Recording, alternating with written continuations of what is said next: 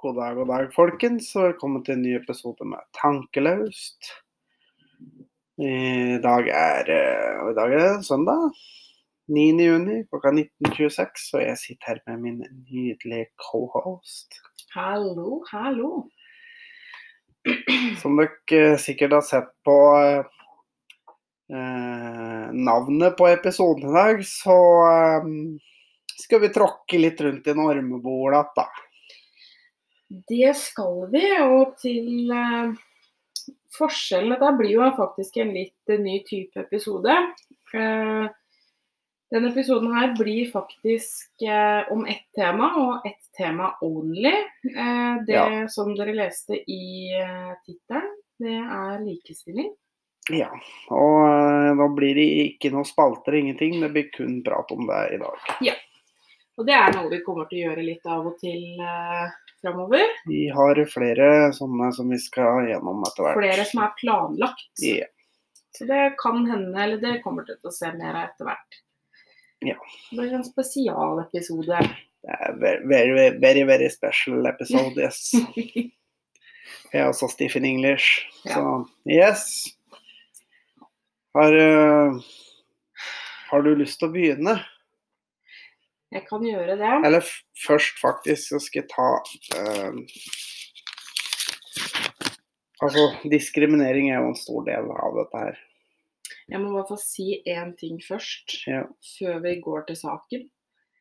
Um, og i flere episoder tidligere så det her, Nå kommer det noen saker som vi har diskutert før. Um, Det er rett og slett fordi jeg har relevans Ja.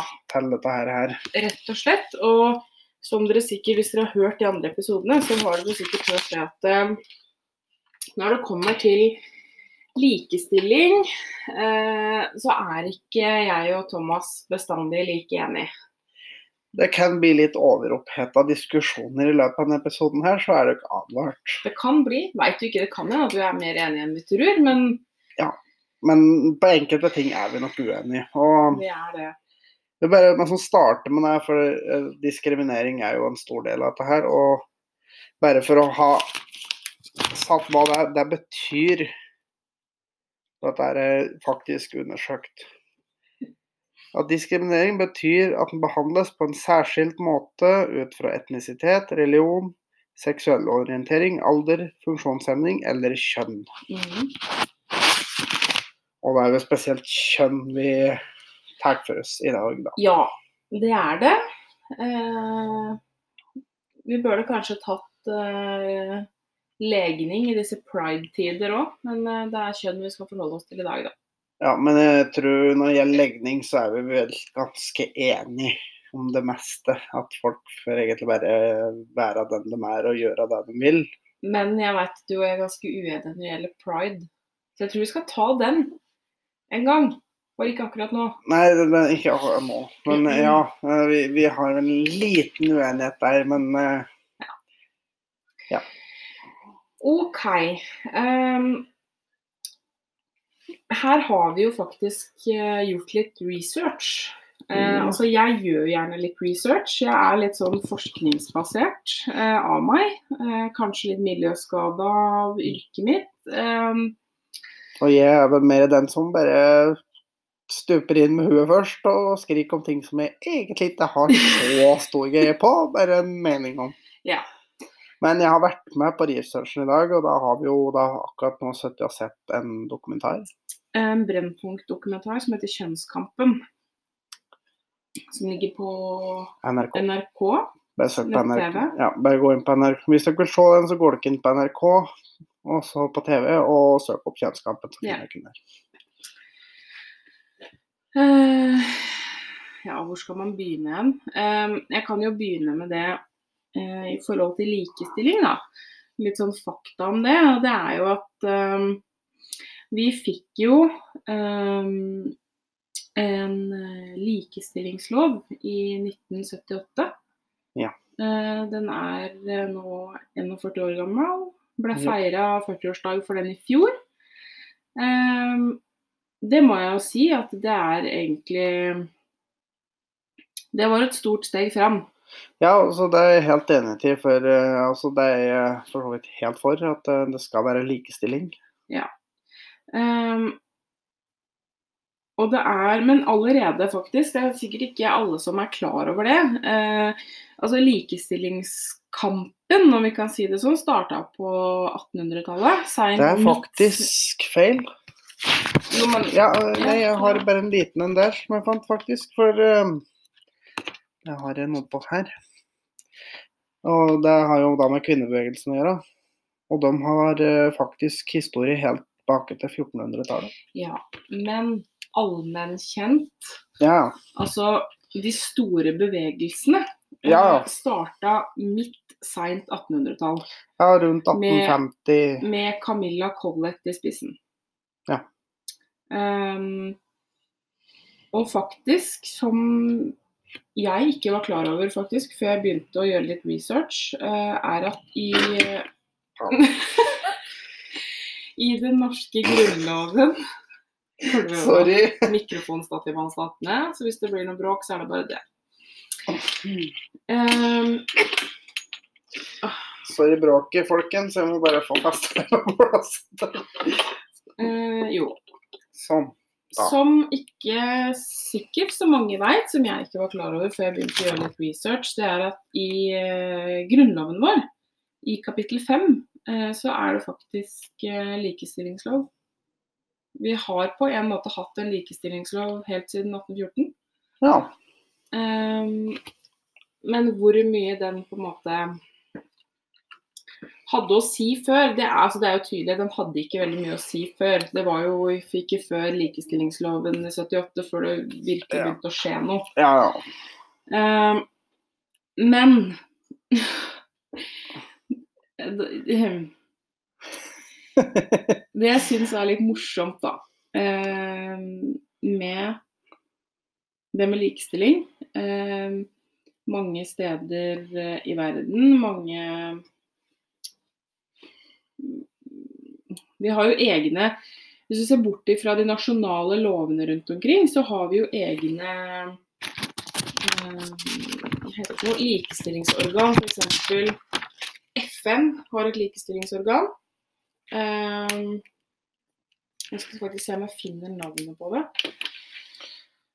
Eh, Da googles det på høyt nivå her, bare så folk vet hva som foregår. Eh, Nei, jeg husker ikke det engelske navnet. Men um, vi har flere organer, bl.a. under FN, uh, som har ordet 'woman' i navnet. Ja. Uh, Og den kanskje litt utdatert. ja. Eh, stikkordet jeg har faktisk skrevet her eh, i notatene mine, er 'gammeldags'? spørsmålstegn. Ja. men jeg vil påstå at eh, det er utdatert. For vi kan vel enes om det at i veldig mange år så handla likestilling om kvinnekamp. Ja. Og det var jo Med riktig. god grunn. Ja, det er jo helt riktig. Men og vi skal heller ikke glemme at det er veldig mange land der det faktisk fortsatt er gjeldende. Absolutt. Men jeg vil påstå at i Norge så er vi forholdsvis likestilte. Dette skal vi komme litt nærmere inn på. Ja, det er en grunn til at jeg sier forholdsvis. Ja. Vi er virkelig ikke, vi er ikke likestilte, men eh, vi, vi er kommet veldig langt. Jeg leste det var en rapport som jeg også tror var fra FN, um, hvis jeg ikke husker feil, hvor de regner Norge som 87% likestilt. Ja, men Nå spørs det ut ifra hvilket utgangspunkt de tenker. Mm. Ja. Men der sto det også iberegna Vet du hva, jeg tror jeg faktisk skal ta en ting med en eneste gang før jeg fortsetter. Eh, det her er basert på den eh, dokumentaren vi nettopp så. Fem myter om likestilling. Det her er mye av det episoden blir basert på, så jeg tror vi bare tar de med en gang. Ja. Ja. En, seksuell trakassering rammer nesten bare jenter. Og der kan vi si at det er feil. 2. gutter er faglig svakere enn jenter. Eh, Eh, Det er vel egentlig òg feil. Vi kan komme nærmere inn på det etterpå. Men Ja. tre, kvinner tjener mindre enn menn i samme jobb. Feil. Uh, Fire, kvinners helse blir nedprioritert. Vil påstå feil. Eh, Og fem, fedre er mer voldelige enn mødre. Eh, De to siste her er ikke, skal vi ikke si så mye om, men de tre første er veldig relevant for det vi skal snakke om. Så jeg tenker at vi kan jo begynne der, da. Ja. Eh, på seksuell trakassering rammer nesten bare jenter. Ja. Tenker vi kan begynne der. Har du noe Der hadde vi vel noe tall, hadde vi ikke det? Jo. Eh, det er faktisk en gang sånn. Eh, det er en eh, Husker ikke fornavnet. Eh, en Kolsås som jobber ved Universitetet i Oslo. Han er førsteamanuensis første i sosialantropologi. Ja, stemmer. Han har forska på det her med seksuell oppmerksomhet og seksuell trakassering. Det er faktisk sånn at 55% av jenter har opplevd det fra gutter. Og gutter har opplevd Eller 40% av gutter har opplevd det fra jenter. Så Da blir det vel ganske feil å si at det stort sett er bare jenter som opplever det. ja. Men jeg har en litt oppfølging på den der, fordi at veldig mange menn opplever jo at å bli tatt på kjønnsorgan av damer. Mm, Eh, Jeg har hørt om f.eks. dørvakter på byen blir refsa på av eh, dritingskåte kvinnfolk. Ja, jeg vet at menn gjør det. Ja, det er ikke det som er saken, for vi vet at menn gjør det. Men damer gjør dette òg like mye. Men problemet kommer når det menn sier ifra. For da får vi en sånn eh, En latter, f.eks. Og såpass moro å tåle. Veldig ofte. Fordi at vi er menn, så vi skal tåle det. Men hvis vi vrir den rundt Hvis en kar flyr og drar ja, grefser ei dame på uh, nedantil, skal vi da si eh, det er moro å tåle? Men, men her kommer det faktisk inn en ting som skiller kvinner og menn biologisk. Ja, at menn er jo sterkere, på en Ja, måte. Altså, og- det, er- altså- det er vel en større trussel. Ja, det er akkurat det. Altså, for jeg sier, dette her, det er feil. Altså, Vi skal ha respekt for hverandres kropp, Ja. uavhengig av kjønn. Men eh, det er jo faktisk sånn at en dame er ikke i den grad truende overfor en mann. En mann ser Ja, ikke er noe der- Selv om det er ubehagelig, Ja, så ser ikke mannen på det som en trussel. Men derimot ikke like kult å bli gropa på byen som dame. Nei, altså jeg ser på det som menn. det der er jo egentlig feil, fordi at det er en annen sak når det gjelder eh, Men det kan vi ta senere om. Men det gjelder med om at det er kvinner ikke er truende overfor menn. Det er jo egentlig feil. For det er mye vold i hjemmet som går utover menn. Men da snakker vi Men da- da, Nå snakker vi om litt forskjellige typer på en måte vold. Fordi vold i hjemmet og Altså, vold fra fremmede, det er ganske stor forskjell. Det er Ja. ganske sprikende tall hvis du sammenligner det, da. ja, det det er sant. Men det er bare sånn eh, Men, men litt, litt på spisen at kvinner kan òg være truende for menn. ja, selvfølgelig. Selvfølgelig. Men selvfølgelig så I utgangspunktet så er jo menn det sterkere kjønnet. Som de sier, da. Som de kaller det. Jeg skjønner ikke. Fysisk. Ja, det er, det er diverse fysiske greier som ikke kommer utenom. Ja, selvfølgelig. Altså Hvis du tar en toppidrettsutøver, mann og en dame, og setter dem mot hverandre, så Som- er ikke det fair. Nei. Hvis du setter en kvinnelig og en mannlig bokser i ringen sammen, så er ikke det fair. Nei. Nei. Selv om de har like mange treningstimer Ja, i ringen. Så Så, det, det, det, det er bare Vi har enkelte biologiske forskjeller, vi har jo det. ja. Men jeg mener det, når det både kvinner og menn håner av en som kommer og sier fra om at ei dame tok på han. Nei, du skal tåle det, du er mann. Det er jo ikke greit. Nei, Men, men men hvorfor hvorfor er det sånn at det ikke er greit? For det her har vi Eller hvorfor er det med som Nei, det skal du tåle. Fordi vi har en urforestilling om at mannen er et sexbeist, og that's it. Ja. Det er jo det det Altså, for min egen del, jeg har aldri, heldigvis, sluppet opplevd eh, å bli grafsa på av eh, damer jeg ikke kjenner. Og jeg tror jeg hadde Altså, jeg er glad i eh, sex, jeg er det, og sånn, men det er fortsatt ubehagelig å bli grafsa på. Men det har ikke noe med sex å gjøre, ikke sant? Nei, men liksom, det er jo Ja seksuelle tilnærmelser, Ja, da. Men, men det har jo ingenting med sex å gjøre for, for den som blir antasta. Nei, det er jo ikke det. Så her, og her har vi også uh, har vi også det med at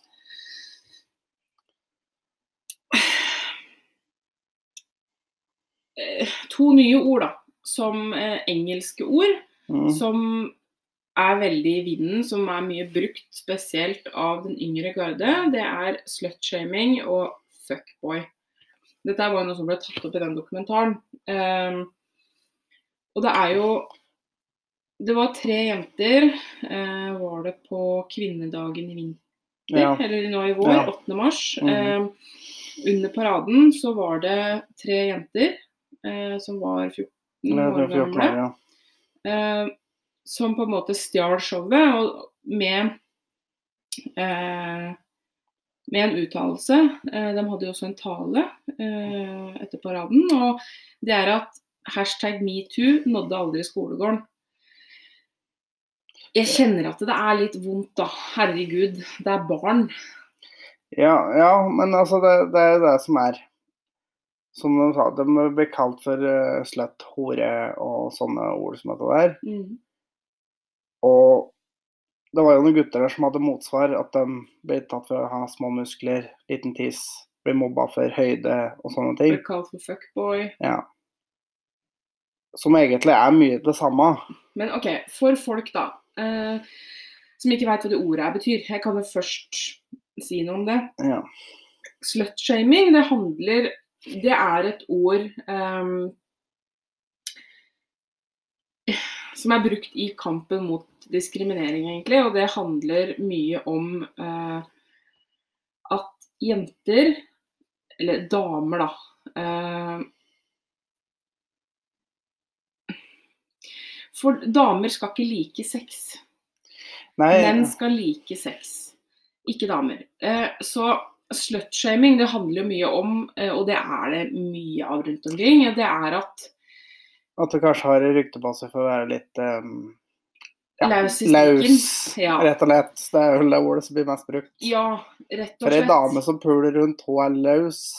Og en kar som puler rundt, han er konge. Ja, og det er liksom noe med det at hvis du ser to, to unge mennesker, da, en dame Altså si gutt og jente, dame og mann, kommer an på hvordan du ser det, på si 19-20 år, da. mm. Eh, begge to har hatt sex med ti stykker, da. Ja. I disse dager så er jo ikke det et uh, urealistisk tall. Nei, nei. Eh, jenta, altså hvis dette blir kjent, da. Ja. Hvor mange av disse her to har ligget med? Jenta, da er hun hore. Hun Ja. kommer til å være stempla som hore resten av videregående. Mm. Mens han, som har ligget med akkurat like mange, forskjellen, det er kjønnet. Ja. Han er konge av kompisgjengen. ja. Det er high five, så yes. Ja. Så det er det mye den slut-shaming-begrepet handler om. Eh, Og det er klart, Dette her går jo begge veier. Slut-shaming går begge veier, men Men, mye i favør til mannen. ja, men mye av de der uttrykkene som blir brukt, sånn som f.eks. hore Mm. Jeg skal bare si én ting om Ja. fuckboy først. Ja. Hold, hold that thought. ja. Uh, fuckboy, definisjonen på en fuckboy, uh, det er uh, en gutt Mm. som lurer til seg da jenter. Later som Altså, hva skal jeg Herregud, dette er litt vanskelig, egentlig. Han later som han bryr seg for å få dem til sengs. Ja, Og puler dem, og så stikker han. rett og slett. Ja. Det er en fuckboy. Ja. ja. Fortsett. Altså, men jeg tenker på, for det, mye av det som de prater om der, alle de ordene liksom blir brukt Jeg, Jeg vet ikke om jeg vil kalle alt dette diskriminering, eller kanskje mobbing. Ja da, jeg skjønner jo hvor du vil hen. Jeg Fordi skjønner at jo det. altså, jeg har brukt ordet hore sjøl som et skjellsord. Det er det styggeste skjellsordet Ja, jeg vet det, men altså, dette var noe jeg lærte meg. Jeg lærte meg et stygt ord da jeg gikk på barneskolen. Jeg visste ikke Ja. hva det betydde. Men det var et eller annet med damer. Så var du sint på ei dame, så kalte du henne for hore. Fordi at du hadde hørt det at det var et skjellsord. Man brukte på damer. Ja. Ja. Og ikke sant, det er et eller annet med når du da har lært deg en ting. Du får en vane. Det er sånn som hvis du hører folk fra nord si 'fette'. Så det handler ikke om kvinnes underliv eller kuk, så handler det ikke om en penis. Nei, Det er et ord de er bruker. Ja, det er et banneord. Det er et ord som blir brukt. Ja, rett og slett. Han derre jævla kuken der. Eh, konserten var jo fette bra. Ja, ikke sant. Det, det blir brukt i begge retninger òg. Jo da. Altså, Så det er, liksom, det er ikke det er ikke ensbetydende med å bruke et ord at det er diskriminerende, men kanskje òg mye av det er egentlig faktisk vil gå under mobbing, vil jeg påstå. ja da. Men, men, men i eh, diskriminerings- og likestillingsøyemed, jeg vil jo si det at slutshaming handler om diskriminering Ja, men... i forhold til seksualitet hos menn og kvinner. Ja, ja. Men det, det kommer helt an på hvordan det blir tolket fra den personen som får det slengt. Selvfølgelig. Og Selvfølgelig. Det, er- det er som å si hva en sier, og hva en annen tolker. Hvis jeg sier noe til deg, så kan jeg mene én ting, og du kan tolke det på en helt annen måte. Ja da. Ja da. Ja. Det er sant, det, altså. Um, men uh, litt tilbake igjen til akkurat det her med likestilling og litt fakta. Um, sånn som jeg sa, likestillingskampen uh, det starta som kvinnekamp. Det kan vi enes om. En sårt trengt kvinnekamp eh, globalt. Ja. Eh, dette starta jo for alvor, da. Eh, I momentet andre verdenskrig, rett etter andre verdenskrig, så var det veldig mange land eh, globalt sett som fikk likestilling skrevet i lovverket sitt. Ja. Eh, men eh, jeg har faktisk litt lyst til å ta en ting som vi har snakka om før. Mm. Eh, Kjør på. og det er um, Dette var også en sak som ble tatt opp i dokumentaren. Det er uh, et mannsforum, heter den her organisasjonen eller bevegelsen. Det er jo et, Mm. egentlig et motsvar til kvinnegruppa Ottar, kan man jo egentlig si. Dette er Ja, på en måte. Ja. den heter Mannsforum. Og de gjør faktisk mye bra, da. Det Ja da. påstå. Eh, de har eh, laga Mannsdagen. Eh, den er 19.11. Den har blitt feira ni år på rad. Ja, det tror jeg ikke det er så veldig mange som vet om. Det visste jeg ikke. Jeg har så vidt hørt om det, for det var prat på på en podkast som hører om, som handler mye om menn. Som har utspring i en Facebook-gruppe. Ja, jeg kan vel si det som så at det er, det er mannegruppa Ottar podcast. Ja. Der har de så vidt pratet om det, for de har, de har intervjua bl.a. han ene som var intervjua i den dokumentaren som heter eh, Dag Furuholmen. Ja. Han var vel psykiater eller noe sånt. Ja, noe sånt. Ja. Uh, Da prata de de prata så vidt på mannedagen og greier. eh, og den, uh, som sagt, feires 19.11. Har vært feira ni år på rad. Ja. Um, en ting, altså eh, En av de sakene de jobber hardest for, Mm. det er fedres rettigheter etter samlivsbrudd. Ja. Dette her er faktisk en sak Sa dem at de står én gang i uka utenfor Stortinget? Eller en gang i måneden? Eh, ja, et par ganger i måneden eller et eller annet som Jeg husker. De står i hvert fall relativt ofte eh, med bannere og flagg eh, utenfor Stortinget eh, for å prøve å få oppmerksomhet rundt saken. De har stått der flere år nå. Og fire år. Og De drev med dette, og ingen er interessert i høre. aldri kommet en politiker bort og spurt hva de egentlig står og gavler og skriker for. Og de hadde jo òg I motsetning til den velkjente eh, demonstrasjonen mot eh, fosterreduksjon eh, nå i vinter. eh, hvor det var damer som kledde seg Tale-kostymer. Jesus. Eh, den fikk jo full mediedekning. Det syns jeg er litt festlig. Det må jeg bare si. Det syns jeg er veldig eh, urettferdig. Ja, eh, altså for, Som det står For å ta, gå litt mer inn i dybden på det med barnefordeling, så står det i barneloven at ingen av foreldre har eksplisitt rett på barna, men at det skal utelukkende gjøres etter barnets beste. Mm. Men overhengende stor del av de sakene så blir mor favorisert. Ja. Og menn har egentlig ingenting de skal det barnefordeling. Men da, da må jeg komme Dette er en liten tanke jeg gjorde meg når jeg satt og gjorde litt research. Jeg satt jo underveis mens jeg så dokumentaren og skrev veldig mye om tanker som jeg fikk. Ja.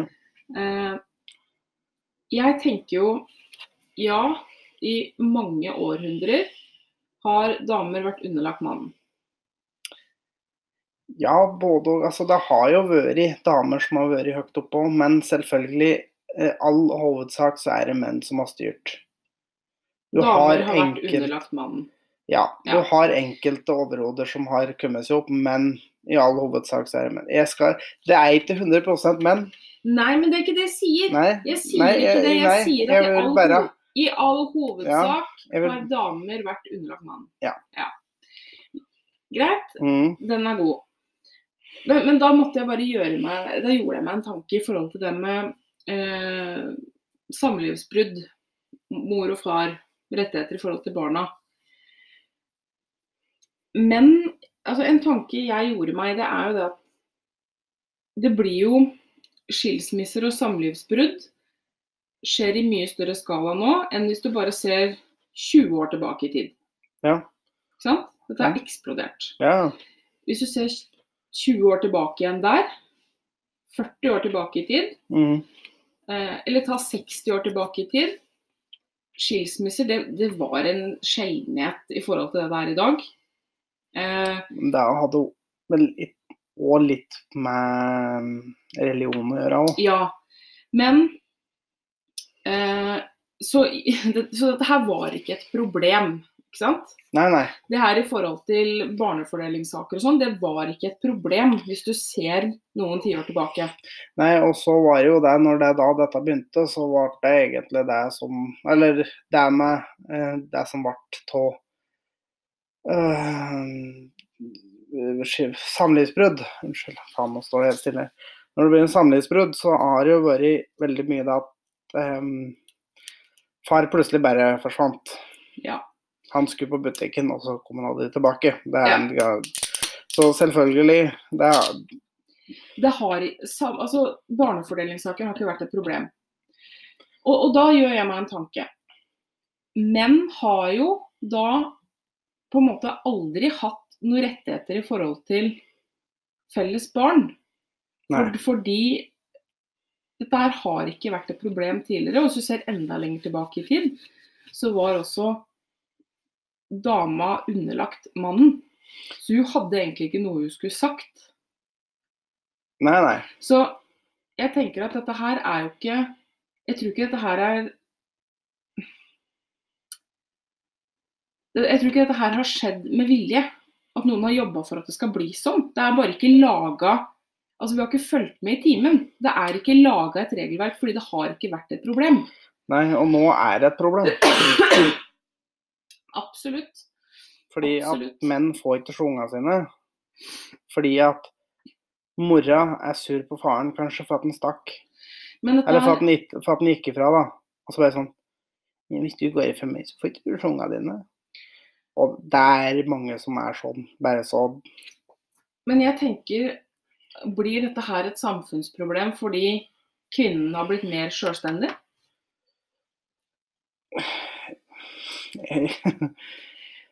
Både òg, kanskje. Før hadde ikke dama mulighet til å ha barna sine fulltid. eh, etter samlivsbrudd. Det er klart, Nå har vi et støttenettverk i Nav da, som hjelper dette her langt på vei. Ja. Eh, men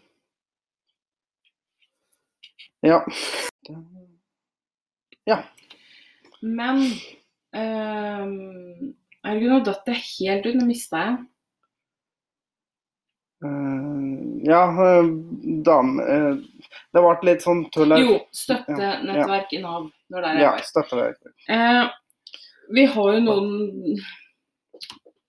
Man har mer støtte i samfunnet nå enn tidligere, selvfølgelig. Men dame, dette her kommer jo litt i kjølvannet av eh, likestilling i forhold til at kvinner har rett til utdanning, at kvinner satser mer på karriere. Der ser vi på fødselsstatistikken. Nå er jo, For det første så er jo nå eh, Statistikken på hvor mange barn som fødes per kvinne, er jo nå på under to barn. Eh, Ja. Det er nummer én. Nummer to så er alder på førstegangsfødende har stiget drastisk. Nå er vel sist jeg sjekka, så var eh, gjennomsnittlig alder for førstegangsfødende kvinner 30, 29 eller 30 år. Ja, rundt 30 år. Så. Ja. Ish. Ja. Eh, og det kommer selvfølgelig i kjølvannet av at damer også ønsker å gjøre karriere. Eh, skal man studere en bachelorgrad, altså først tre år på videregående for å få studiekompetanse, så tre år for å få en bachelor, fem år for å få en master. Ikke sant? Eh, Ja. Karriere har blitt viktig for folk. Eh, men igjen da, så gjenspeiler det også seg i eh, økonomi, for damer har jo nå i større grad mulighet til å ta vare på barna sine alene uten en mann.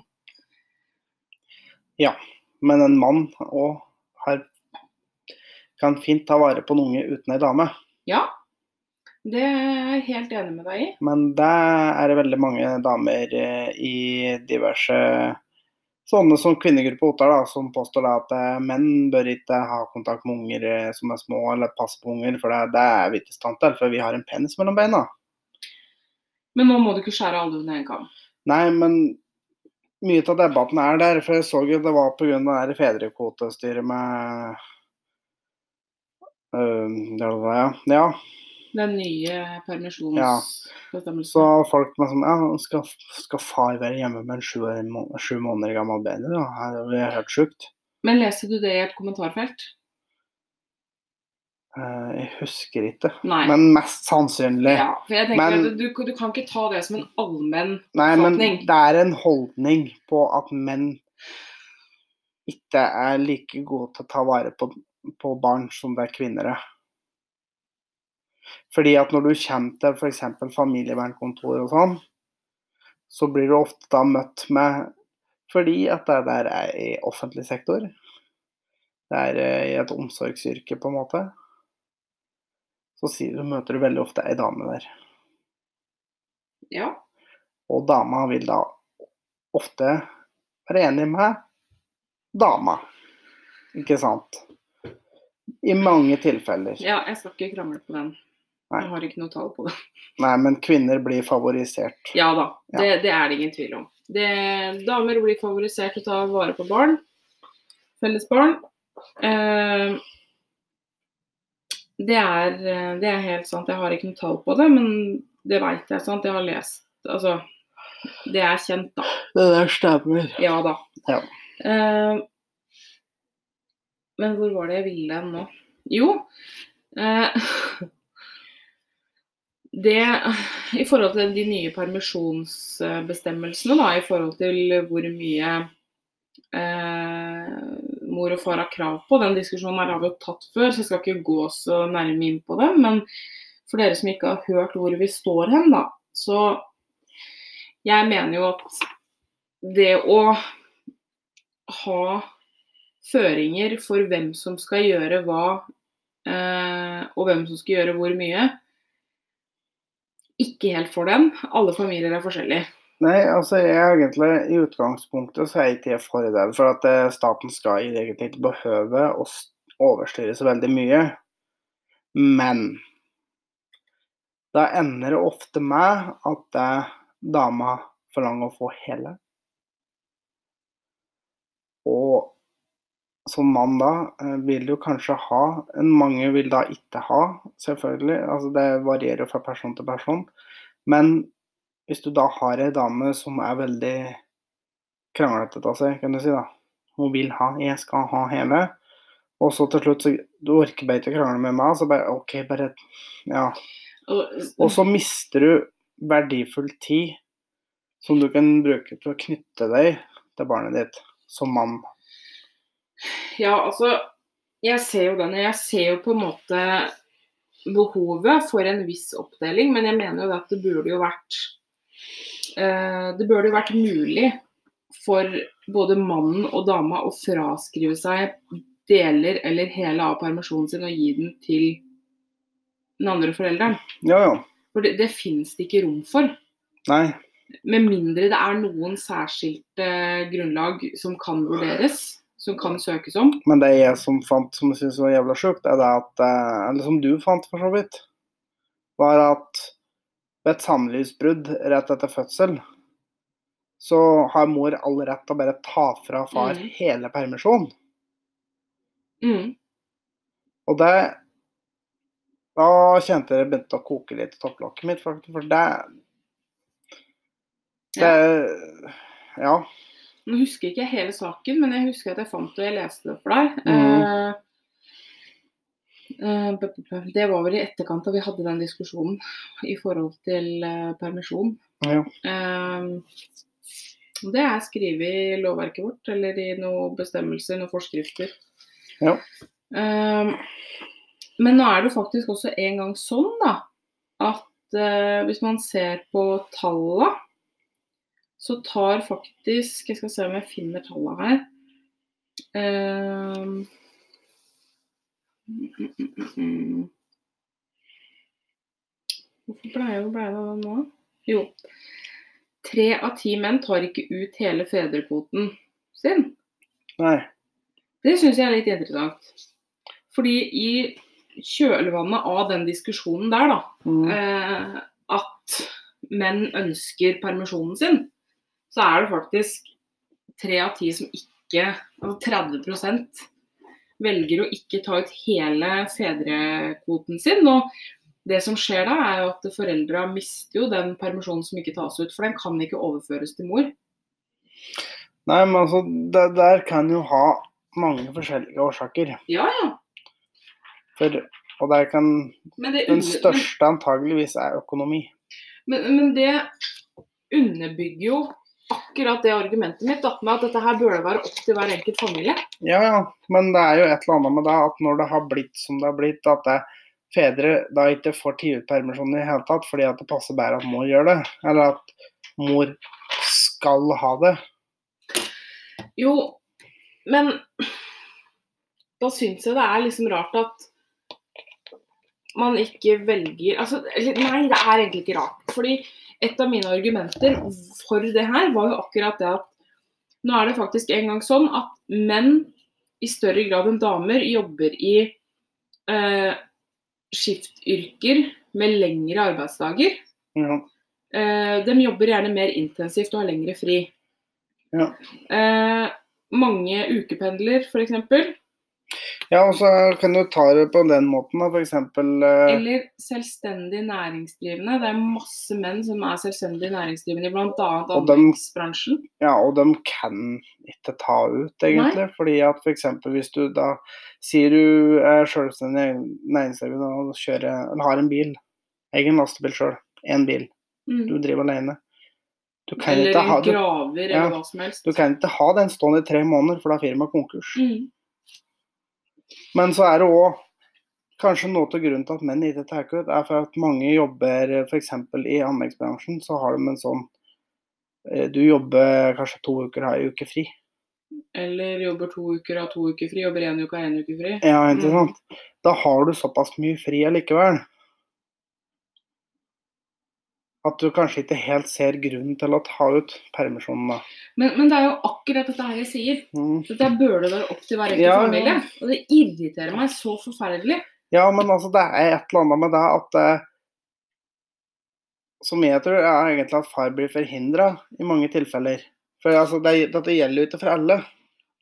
Men eh, nå, nå Du er jo litt inhabil, da. Altså, jeg har, jeg har ikke egne barn, så jeg ser jo liksom på dette veldig utenfra. Du er jo litt inhabil, for du har jo barn. Ja, ja.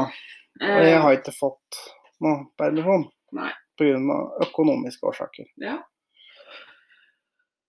Eh, Men eh, i og med at vi driver med barnefordeling, så mm. føler jeg kanskje vi sklir litt naturlig inn i Fordi at menn sliter med det.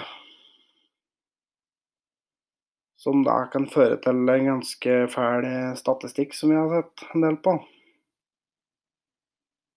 At det er vel en liten link mellom sjølmordsstatistikken og barnefordelingssaker, blant annet. Da. Det har ikke direkte sammenheng, men, Altså, jeg, ja, jeg, jeg ser ikke noe sammenheng. men medvirkende Altså, å bli fratatt sitt barn kan være det verste som skjer noen. Ikke sant? Ja da. Ja. Altså, jeg sier ikke at det er en direkte sammenheng der, men altså det, at det, det kan ha for enkelte få dem til det plassen i livet at de ikke Men- takler det. Men hvorfor da løse det med å ende livet så du aldri får se barna dine igjen? Og barna aldri får se pappa igjen? Altså, Ja, men jeg, eh, jeg, ikke sant? Hvis, du, hvis, du har, hvis du sliter psykisk fra før, så har du da ei, en eks som en eks Ja, en eks, ja. For mange damer oppfører seg som ordentlig rasshøl mot eksen sin. Og Ikke ta den på kjønn. Fordi ja, ja, altså menn òg gjør det, men nå snakker jeg eksplisitt om barnefordelingssaker her. spiller ingen rolle.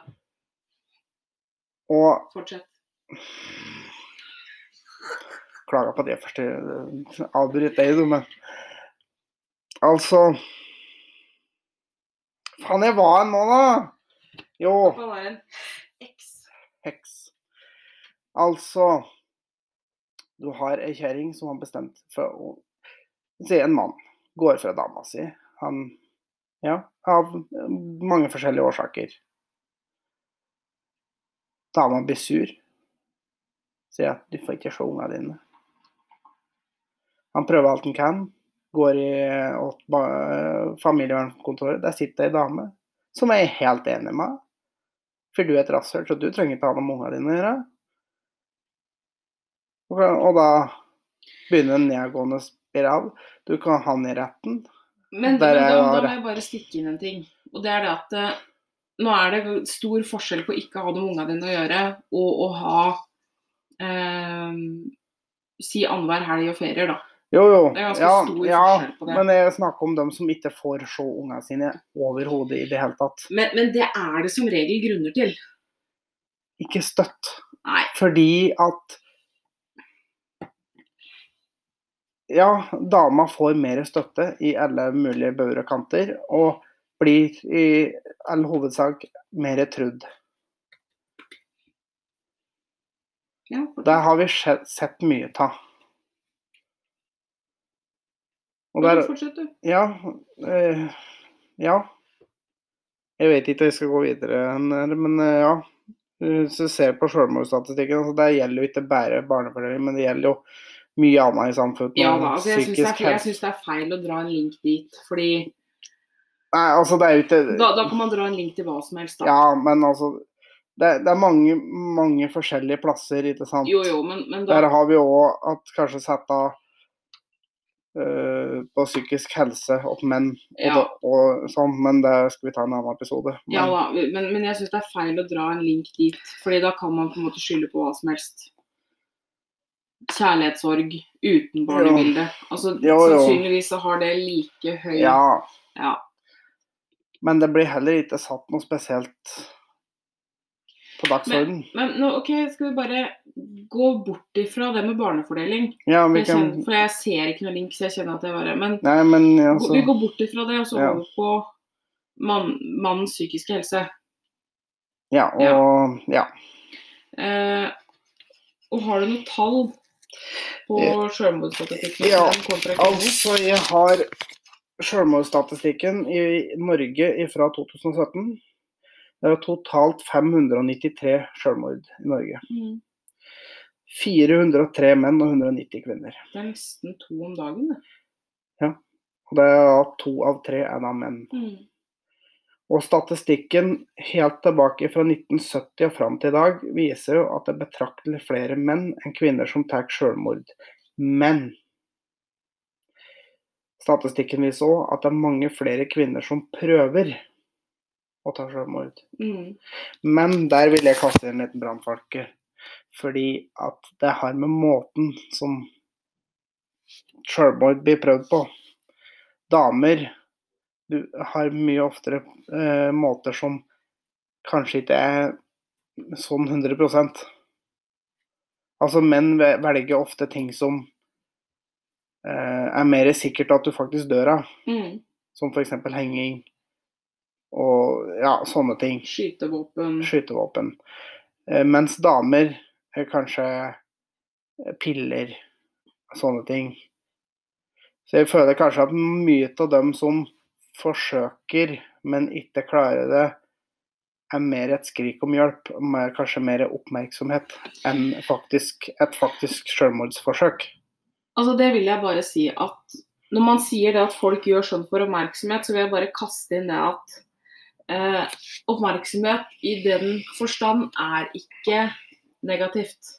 Nei, nei, nei, for Eh, guds skyld, men altså for, det for det blir ofte sagt i en sånn negativ tone at ja, damer sier det eller Men- gjør det bare for å få Ja, men noen Men gjør det faktisk fordi at det jo, er men i den sammenhengen der så Ja. er det en positiv ting.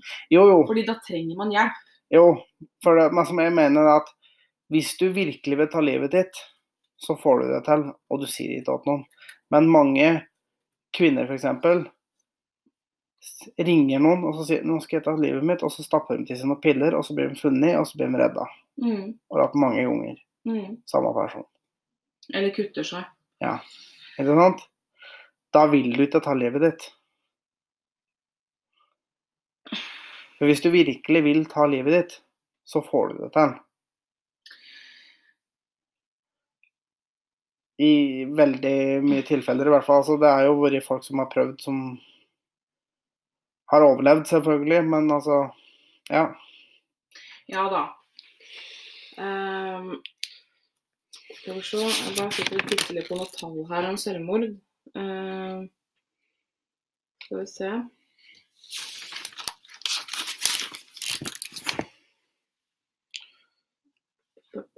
Ja, bare fortsett, du. Ja, nei, jeg har egentlig ikke så mye mer på den der, men uh, ja. Eh, altså det er jo gjennomgående da at selvmordsraten hos menn Her ser jeg faktisk eh, en grafe på det fra 1970 til 2016. ja. Eh, og den har, den har alltid, på en måte, i hvert fall de siste 40 åra, ligget jevnt mye høyere enn hos damer. Ja, men det, det er jo det som jeg har funnet på Men- det jeg har sjekka, er jeg skal se med altså, Men det er jo forskjell på selvmords... Altså, her, dette er jo de som lykkes med selvmord, da. Ja, dette der er selvmord. Det er jo ikke, Ikke det er ikke forsøk, men det er Mm. vellykka, da. For den det, Eller Jeg føler det var et feil ord. En Fatal. Ja. Ja. Um, nå finner jeg faktisk ikke det jeg leita etter. Eh, jeg skulle se om jeg fant noe i forhold til metoder. Ehm, men, men akkurat det der, det med psykisk helse, eh, det er jo Dette her bunner jo også i en urgammal eh, forestilling om at eh, mannen skal være hard og tøff og ikke vise følelser. Og ikke prate om det. Ikke Steng det inne Ja. Og bare eh, walk it off. Ja. Ja. Og det er klart Her også har vi en jobb å gjøre eh, i forhold til likestilling. Eh, og det er jo akkurat det her. Fordi vi vi skal gå litt mer i dybden på dette med psykisk helse på en senere episode. Ja da, men, men det man kan Dette er, også er jo viktig i forhold til likestilling. Eh, Ja. Men Vi skal gå mer i dybden på det med en senere anledning. Men det er jo den forestillinga om at menn, ikke, altså menn som gråter, er pussies. Ja.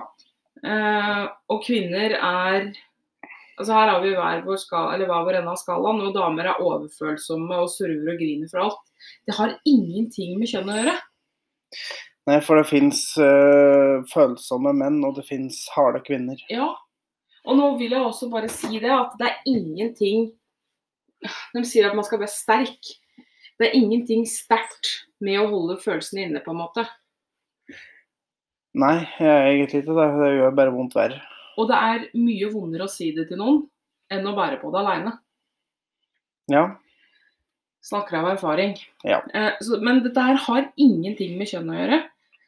Jeg ser, Hvis jeg ser på mine egne foreldre, så er min mor og min far stikk motsatt eh, av disse her Og du ler. Stikk motsatt av de her gamle selvfølgelighetene som vi snakker om her, da. Det kan jeg faktisk uh, bekrefte. Ja. At eh, de har De er stikk De har ikke de normale kjønnsrollene på den måten, egentlig. Nei, men dette er det du mener! Ja, men Ikke si det! Nei, men altså Det, det, det som folk mener, da. Eller Ja. som det som, som skal være. Ja. Men som egentlig er bare bullshit. Mm, Men det er jo liksom Alle prater om kjønnsroller, mm. som er egentlig bare tull. For det var som Ja. Som jeg egentlig vil inn på det videre på neste, på, egentlig på skole og jobb. Mm. Kan vi gå dit? Det var en veldig brå vending. Ja, det er veldig bra vending, for jeg har litt jeg skal si om det. Ja. Men da skal jeg bare få sagt det, da. Det som jeg begynte på, er jo det at hvis man ser på de der gamle forestillingene om at menn eh, er ufølsomme og kvinner er overfølsomme, der er mine foreldre stikk motsatt. Eh, min mor kaller henne bare for isdronning. Hun er eh, isdronning. Hun felte vel så vidt noen tårer i begravelsen til min mormor, altså sin mor. Eh, iskald. Altså hun det, er, det er mye som bobler under, selvfølgelig, men på utsida så virker hun iskald. Pappaen min, han griner av julegavene jeg gir hvert eneste år. det er liksom noe med Altså Ja, men hmm, Ja. Akkurat det med psykisk helse det skal vi faktisk ha en hel episode om. Ja. Eh, Så vi skal ikke gå nærmere inn på det. Vi kan hoppe over til skole. Ja. Skole og jobb. Der sier vi jo da, som de har funnet en del tall på nå, at det, jentene gjør det bedre på skolen enn gutta. Der er vi tilbake på det med fem myter om likestilling. Ja. Faktisk. For det, ifølge standpunktkarakter så har jo da kvinner i snitt 10 høyere enn menn. Gutter og jenter, da. Ja, Ja. gutter og jenter. Ja. Men Det er jo Altså, det vi skal si nå, da, det er tatt utgangspunkt i eh, en rapport fra ei som heter Camilla Stoltenberg. Eh, husker ikke hva hun er av yrke, men hun blei i hvert fall satt på saken av eh, av den nåværende regjeringa, da. eh, For å kartlegge hva som faktisk eh, Om det er så store forskjeller som det man på en måte man sier at det er. Ja. Som den generelle oppfatninga er. Og, og det, det man ser, da, som på generelt grunnlag Gutta er mer urolige enn jentene. Ja, men altså det er jo genetiske greier at vi gutta vi er mer urolige enn jenta. Ja, selvfølgelig. Her er det jo også variasjoner, men i all hovedsak så er gutta mer urolige i timene. Følger de ikke like mye med. Jentene er mer pliktoppfyllende. Eh, jobber med det de skal. Og på standpunktkarakter, som du sier, så er det et gap på 10 hvor Mm. jentene gjør det 10 bedre. Ja. Og der så jeg faktisk at Kvinnefronten har gått ut og uttalt seg om det. Mm. Og de mener at det, det at uh, jenter uh, som gjør det bedre på skolen Der mente de kanskje kunne ha noe med at jenter jobba hardere på skolen. Og da synes, det syns jeg egentlig var litt interessant, for det er egentlig totalt motsatt retorikk på alt, enn alt annet argumenterer for. For eh, hvis vi vrir den rundt på litt annet, da, så kan vi si at ja, men er det da grunnen til at det er flest menn i lederstillinger i privat sektor, har noe med at menn jobber hardere enn damer? da? For å bruke samme retorikken som de bruker. Ja, altså jeg er ikke uenig med deg. Det er Nei, for jeg syns det er helt utrolig at når de sier det er flere menn enn kvinner i lederstillinger, da er det diskriminering. Men når det er flest jenter som gjør det bra på skolen, da er det plutselig at jentene er flinkest. La oss legge den død et lite øyeblikk. Ja, ja, men det var Ja. bare som Jeg måtte bare få ut den. Eh, Men det, det som blei tydelig, da, eh, etter den rapporten til Camilla Stoltenberg, eh, det er jo faktisk det at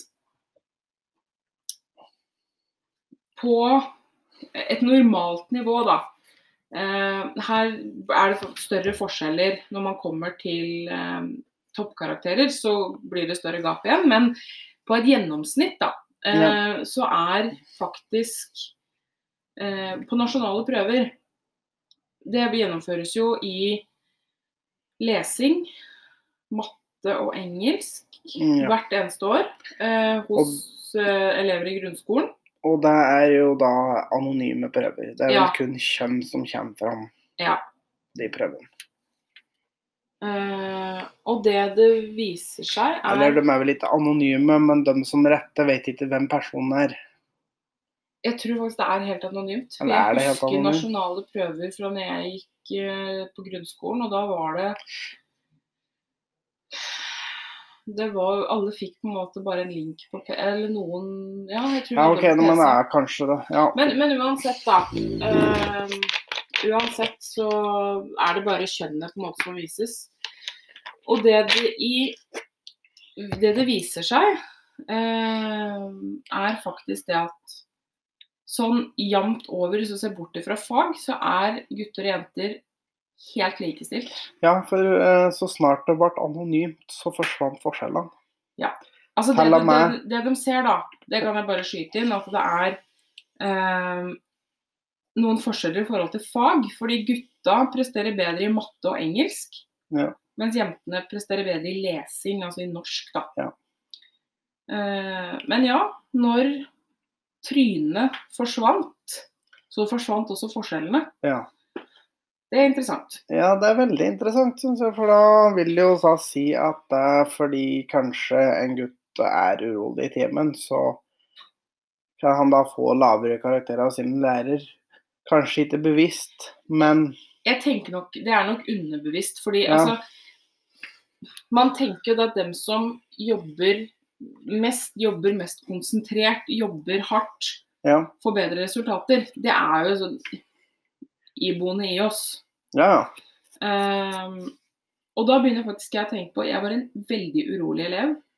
Uh, jeg er medfødt en alvorlig sykdom som heter munndiaré. ja. Uh, og, og da blir jeg faktisk litt da, da blir jeg litt nysgjerrig for jeg var en av de som var urolig. Det var meg og gutta, på en måte. ja. Og jeg var jo gjennom barneskolen veldig flink på skolen. Mm. Jeg òg var vel det på barneskolen, men på ungdomsskolen tok det litt av. Slutten av Og faktisk første halvdel i åttende klasse så gikk det faktisk veldig bra. Men derifra så gikk det veldig ned. Og det hadde ikke bare å gjøre med at jeg var gutt og greier. Det hadde jo mye å gjøre med at jeg hadde andre ting. Ja. Ja. Men, eh, men Men det er litt interessant. Eh, og jeg tror, jeg tror nok ikke at det er eh, trynefaktor i den forstand, at det er bevisst fra lærerne. Men jeg tror nok det er litt sånn iboende i, i oss at Ja, det er, altså, det er nok noe underbevisst at de kanskje sier sånn Den som gjør en hardest innsats, fortjener mer, på en måte. Kanskje med som de sitter rett, og så er det et eller annet slags innfall de får. Med som f.eks. Hm, nei, den er fire. Eh, fire minus. Ja. Så, eh, Men hvis man ser på eh, øverst i sjiktet, da, eh, på elevene med over fem i snitt, ja. så er det to og en halv gang flere jenter enn gutter, eh, faktisk. Um, så så da, altså, da stikker plutselig jentene fra. Mm. Eh, første tanken min er det at når man kommer opp på eh, ungdomsskolen videregående, begynner, faga begynner å bli tøffere, og man må faktisk jobbe hardere for å få bedre karakterer Ja. eh, enn det man måtte på f.eks. ungdoms... Eller f.eks. Ja, videregående er mye hardere enn ungdomsskolen. ja, ja, Eh, så jeg, jeg tror nok det det handler litt om at da må du faktisk jobbe litt hardere for karakterer. Jeg, den, jeg er av den type som leser ting én gang, og så husker jeg det. Ja. Eh, kan ærlig innrømme, jobba ikke veldig hardt, altså. Gjorde ikke det. Uh, Jeg droppa ut av videregående, så jeg Ja, jeg har faktisk ett år som jeg har fullført til delkompetanse. Ja. og så meg i motsetning, da. Gikk tre år videregående, tre år høyskole. Uh, jobba ikke veldig hardt på ungdomsskolen. Uh, jobba hardt med programfag. Jeg gikk dramalinja. Jobba veldig hardt med programfag på videregående, men allmennfaga jobba ikke like hardt. Eh, så jeg er heldig. Jeg har fått eh, greie karakterer uten å jobbe veldig hardt for det. Mhm. Eh, men damer, jenter, er jo også overrepresentert i høyere utdanning. Seks av ti studenter all over på høyere utdanning er jo damer. Ja, og da så vi jo hun tidligere likestillingsministeren var jo strålende fornøyd fordi at vi har likestilling, for da var det mest jenter. Um, virkelig? Nei, da er det kvinnekamp og ikke likestilling. Ja, for altså, hvis likestilling er at det skal være mest damer, da kan du ikke kalle det likestilling. Nei. Eh, men, men det også som er eh, ble gjort et poeng ut av, som jeg er helt enig i, det er det at biologisk jenter og gutter er forskjellige. Ja. Eh, blant annet kjønnshormonet testosteron. Det mannlige kjønnshormon. Nå er altså Det, sikkert- det veit sikkert ikke alle, men både kvinner og menn har testosteron i kroppen og østrogen i kroppen. Ja, det har vi jo alle sammen. Ja, men menn har veldig mye mer testosteron, og damer har mye mer østrogen. Vi Eh, har faktisk, eh, vi har faktisk eh, mye av samme med, faktisk. For at, eller vi menn har et, et arr. nå kommer det en fun fact, folkens. Ja, dette er faktisk et fun fact. Dere menn har sikkert lagt merke til at dere har et arr som går på undersida av penis over pungen. Det er faktisk deres Vagina. Vaginahull, rett og slett. Fordi at vi I fosterlivet. I fosterlivet så er vi alle kvinner. Ja. Fram til vi plutselig bare smukker igjen, og så spretter ut en liten tingest, og så blir vi menn, Ja. noen av oss. Eh, og enda en fun fact, faktisk, bare for å kaste seg på den. Det arret det er faktisk beskrevet i Bibelen. Og det man mente, det er at fordi mennesker er det eneste pattedyret uten penisbein.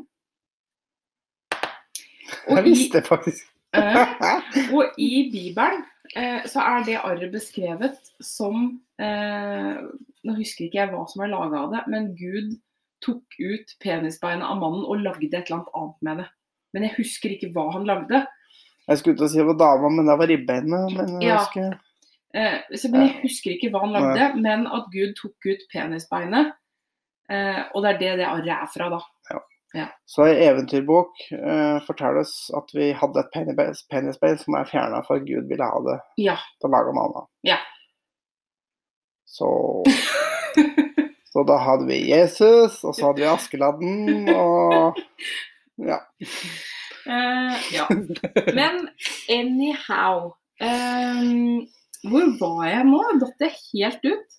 Jo, testosteron. Ja. Eh, så testos, det testosteron gjør, da, f.eks. ved for høye testosteronnivåer, som ofte forekommer da i ungdomsalder, da, veldig svingende testosteron- eh, eller hormonbalanse.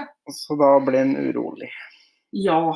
Eh, og da er jo spørsmålet er det norske, den norske skolen rigga litt for at guttene skal feile på skolen? For det er mye fokus på at unger skal sitte stille. Ja.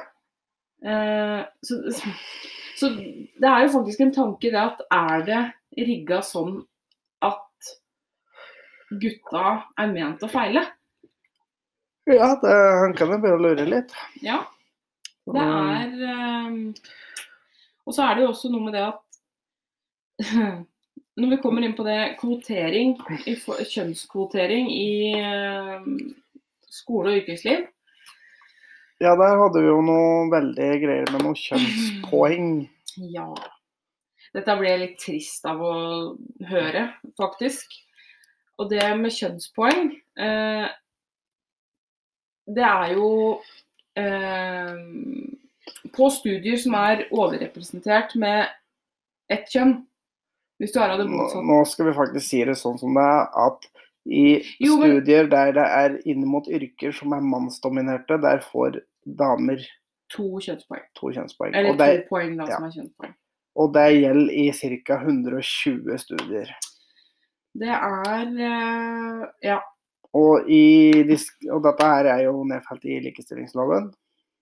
På motsatt side så Men den åpna egentlig ikke for å kunne gi kjønnspoeng til menn i kvinnedominerte yrker. Nei. For på den annen side så er det sju studier som gir kjønnspoeng til mannen. Ja. Jeg tror en av dem kanskje er sykepleier. Ja, for jeg så Det har jeg faktisk noe på her. eh, Hvis du bare gir meg et lite øyeblikk, så Eh, er det eh, eh, eh, det må jeg jo si, da. Nå er jeg litt subjektiv.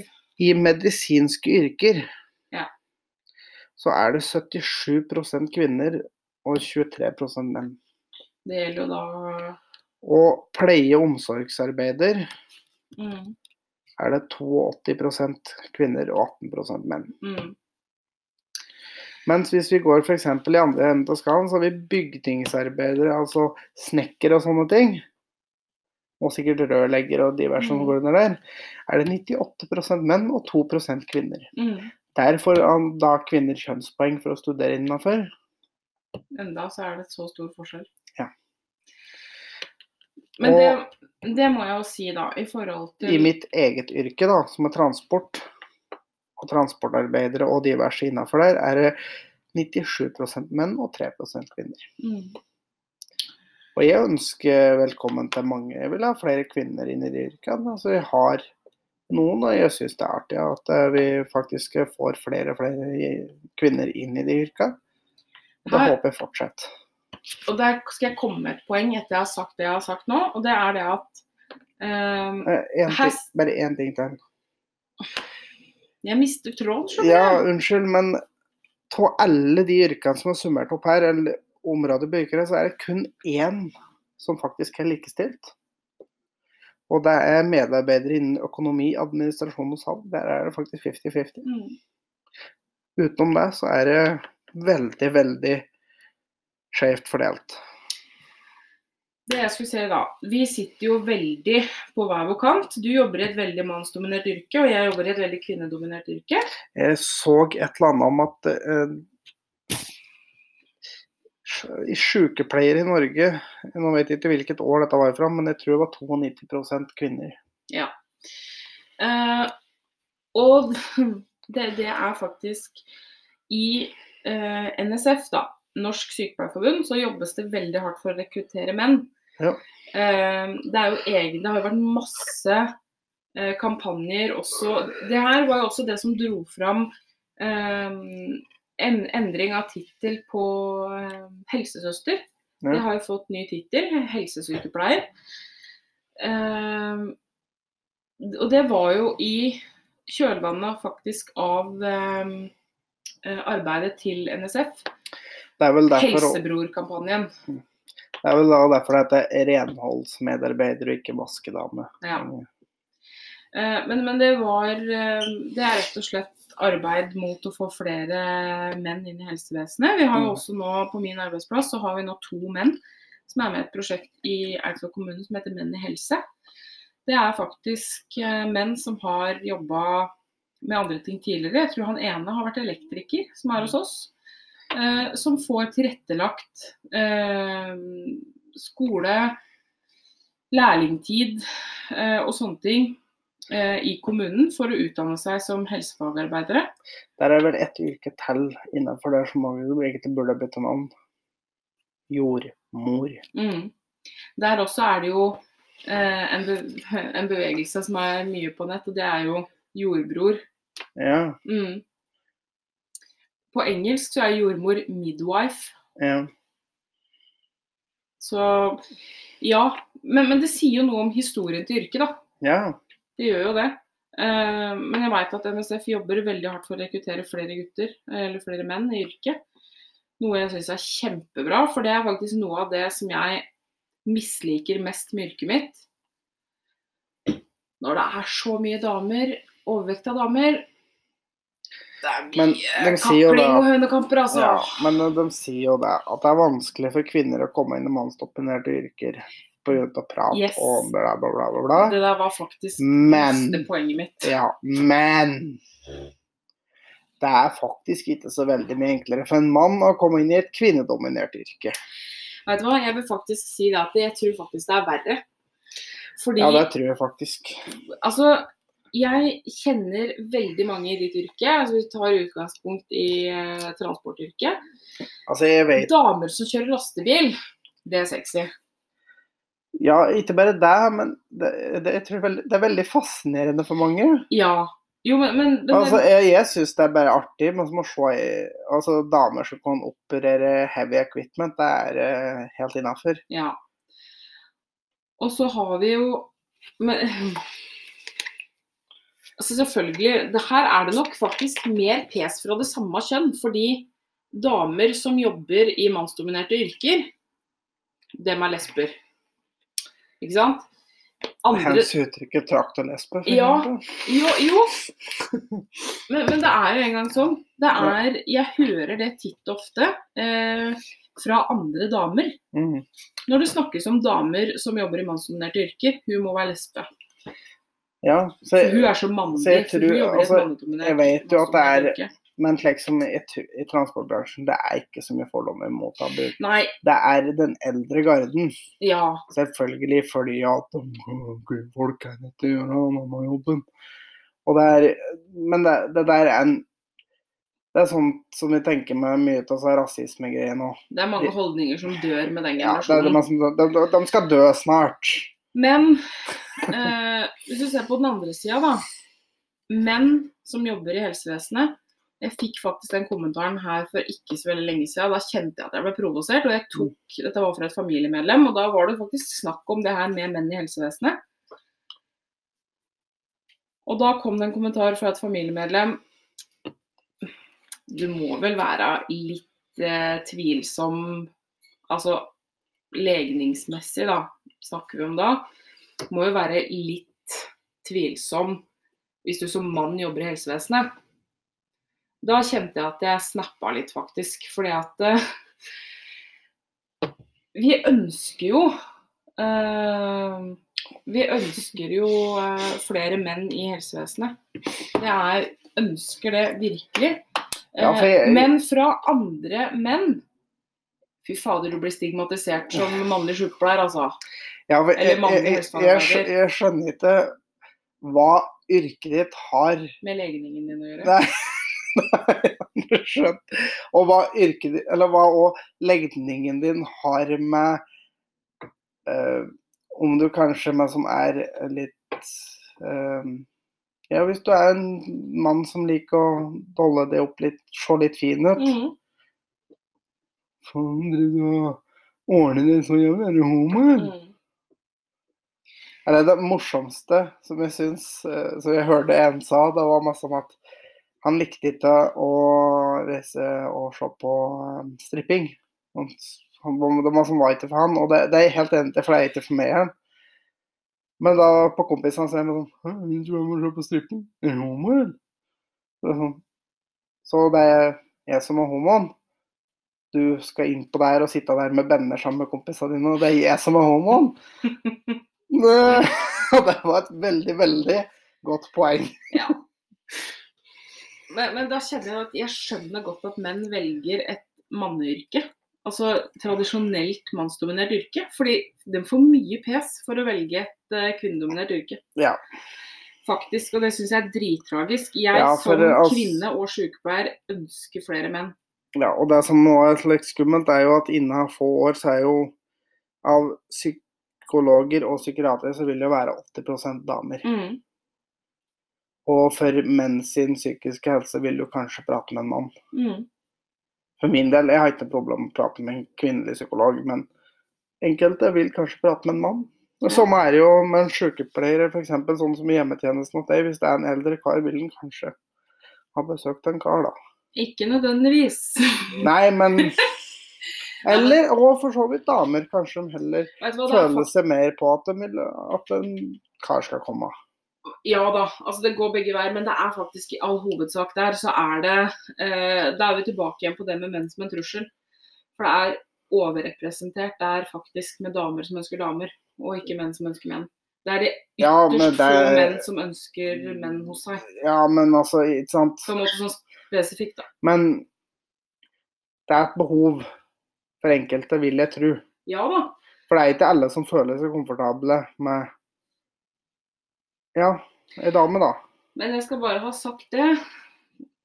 Det er veldig mange gamle menn syns det er stas å bli dulla med ungjenter, altså. Ja, selvfølgelig, for det er gamle griser. Det er det. Jeg skal love deg. det. skal, Ja, det er ikke bare bare å være dame i helsevesenet heller, altså. nei, men altså, jeg si. tenker meg som en Ikke nødvendigvis i sykepleierstilling, men altså Nei, men generelt. Jo, men- Fordi at det som er et problem at det ikke Jeg skjønner egentlig ikke hvorfor det er et problem i utgangspunktet. Hvorfor er det et problem at det blir mannsdominerte og kvinnedominerte yrker? Hvorfor er det et problem? her tenker jeg at det, For ja, altså, det er jo et ønske om jevnere fordeling, og det har jo faktisk Altså, jeg skjønner greia, jo, Eh, men altså veldig.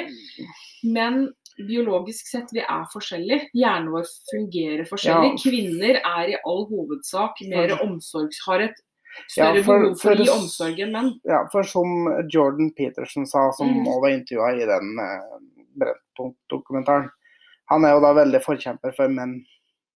Og han sa det, at menn ofte, havner oftere i, i yrker som eh, snekker, eh, transport eh, Ja, sånne typer yrker, fordi at de er interessert i ting.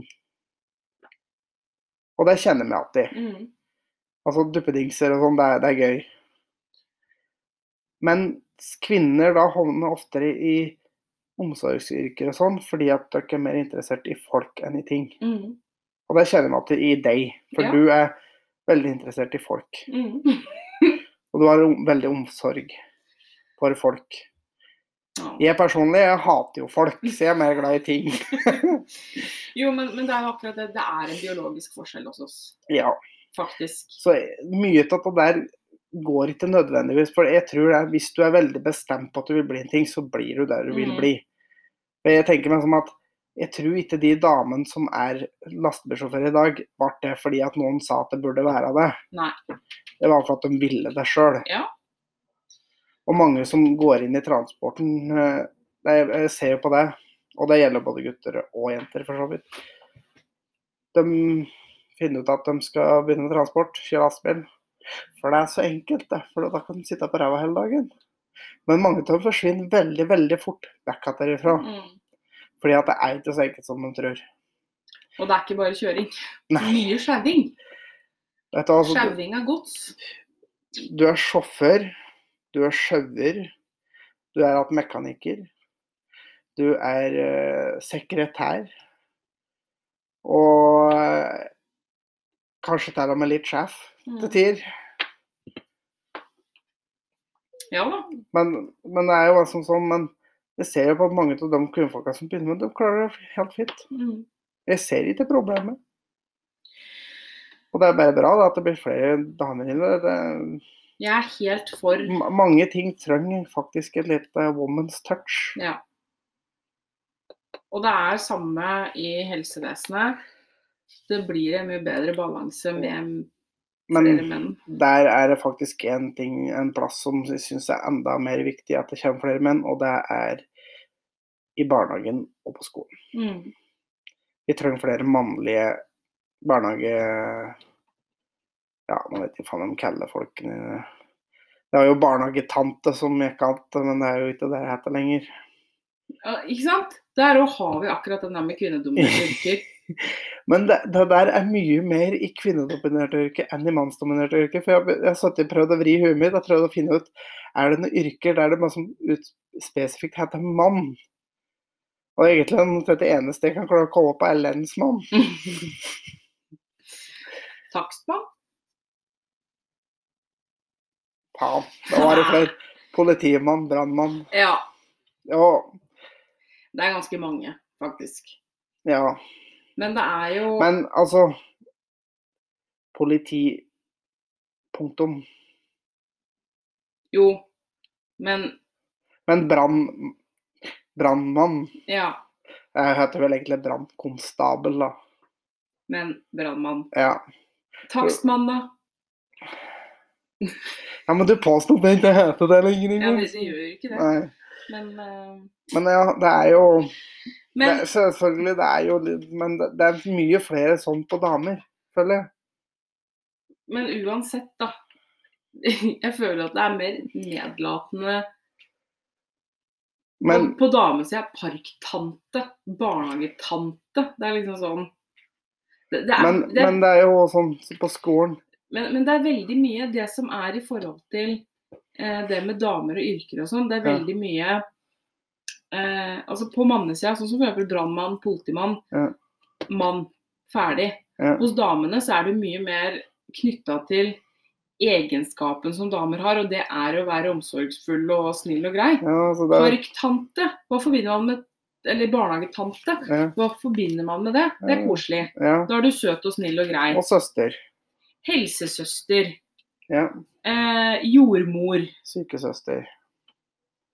Det er mye mer knytta til Ja. egenskaper enn ja. Ja, skjønner du? Så jeg føler det er mer nedlatende å kalle, kalle noen for barnehagetante enn politimann. Jo, jo. Men Det må jeg si. så har du òg lærer, lærerinne. Og lærer. Det er jo masse sånn, sånn Nå er jo lærerinnebegrepet er jo borte. Ja, Nå er det jo lærer. ja. Men Samme er det med student. Studinne. Ja.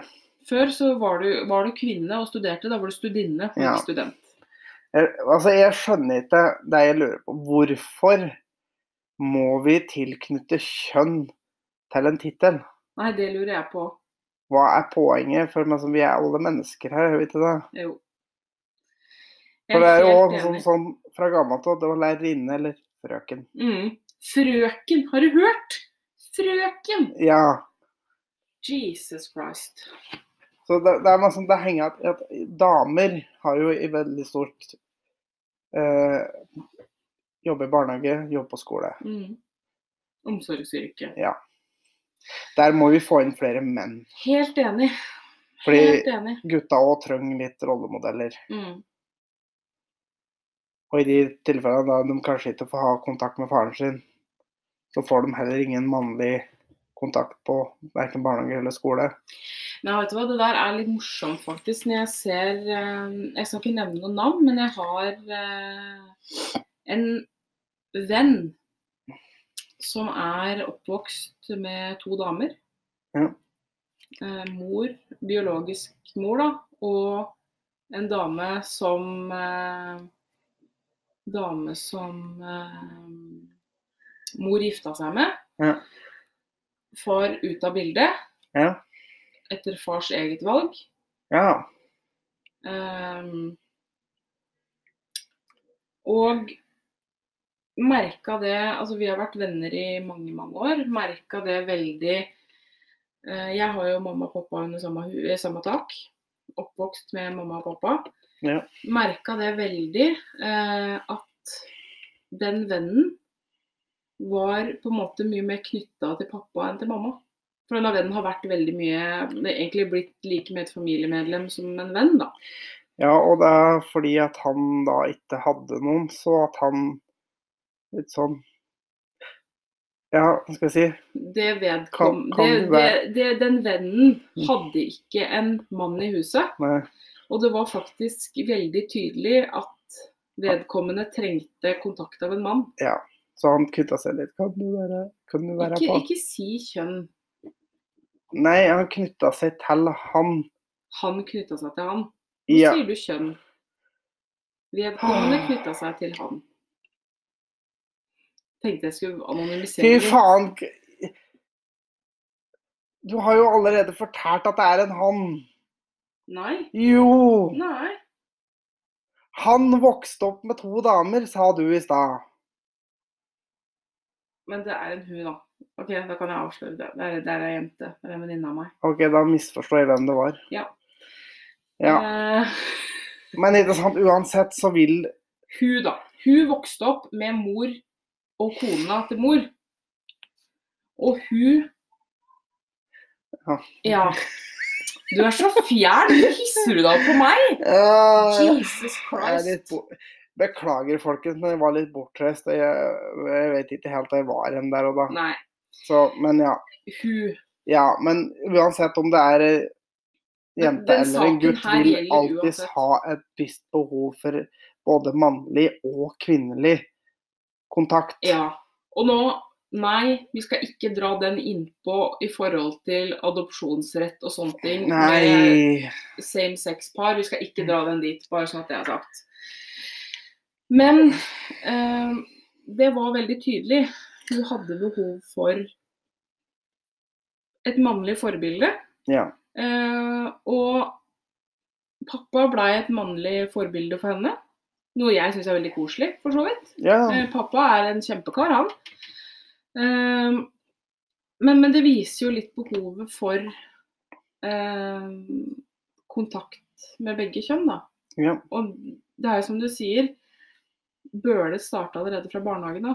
Å være mer eh, likestilt. Ja, eh, at det ikke skal være en så overvekt av damer, da. Jeg ser jo i barnehagen som uh, dattera mi går i, der jobber det én mann. Mm. Og han er ekstremt populær Mm. blant unge. Ja. Så jeg syns det er veldig bra da, at det er eh, at det faktisk er en mann der òg. Men vet du hva, det der er litt morsomt, for hvis du ser på jo høyere opp i skolesystemet du kommer, jo flere menn blir det jo. På ungdomsskolen tror jeg faktisk jeg hadde en 50-50-fordeling av menn og damer. Ja, det tror jeg faktisk På videregående òg er det egentlig ganske 50-50 eh, på menn og damer. Mm. Men barnehage og barneskole er det en massiv overvekt av damer. Og det tror jeg jeg kom å tenke tilbake til barneskolen. Det var fader nesten ingen menn. Nei. Men når du kommer i høyere utdanningsnivå, blir det flere menn. Da handler det ikke like mye om omsorg lenger som det de gjør som utdanning. Nei. utdanning. Nei, det gjør ikke det. På barneskolen er det jo 50-50 omsorg og utdanning, ja. faktisk. ja. Men eh, enig, det trengs eh, Det trengs flere. Altså, altså i, for å hoppe litt tilbake igjen til eh, likestilling som tema, så er det jo ett vedkommende man ikke kommer utenom eh, i 2019 når vi snakker om likestilling, kvinnekamp. og det er Sigrid Bonde Tusvik. En av Norges største mobbere, vil jeg påstå. Uh, hun I er jo da tilfeller, i hvert fall. komiker og kjendis. Altså, du og jeg er litt uenige. Jeg syns Sigrid er litt kul, jeg, da. Uh, og det handler litt om at jeg er ikke enig i veldig mye av det hun sier. Men det jeg syns er litt kult, er det at her får man et ansikt på feminismen. Og, og det jeg syns er litt gøy, fordi hun er kjendis, fordi hun har så mye innflytelse, så skaper det veldig mye debatt. Ja, Som jeg mener trengs. jo, det trengs, men jeg syns hun drar den veldig langt. Og det var noe Hun var jo selvfølgelig med på den Brennpunkt-dokumentaren. Og der var det noe hun sa som provoserte meg forholdsvis mye, vil jeg påstå. Og der var jo den uh, der Å, uh, herregud. Å, hjelp meg. Nå består jeg stille. Jeg veit ikke hva Ja, at hun sitter der og sier at menn som klager, sutrer, er usexy og sånn, for vi menn vi har det så bra, vi i verden, så vi har ingenting å klage på, men sånn.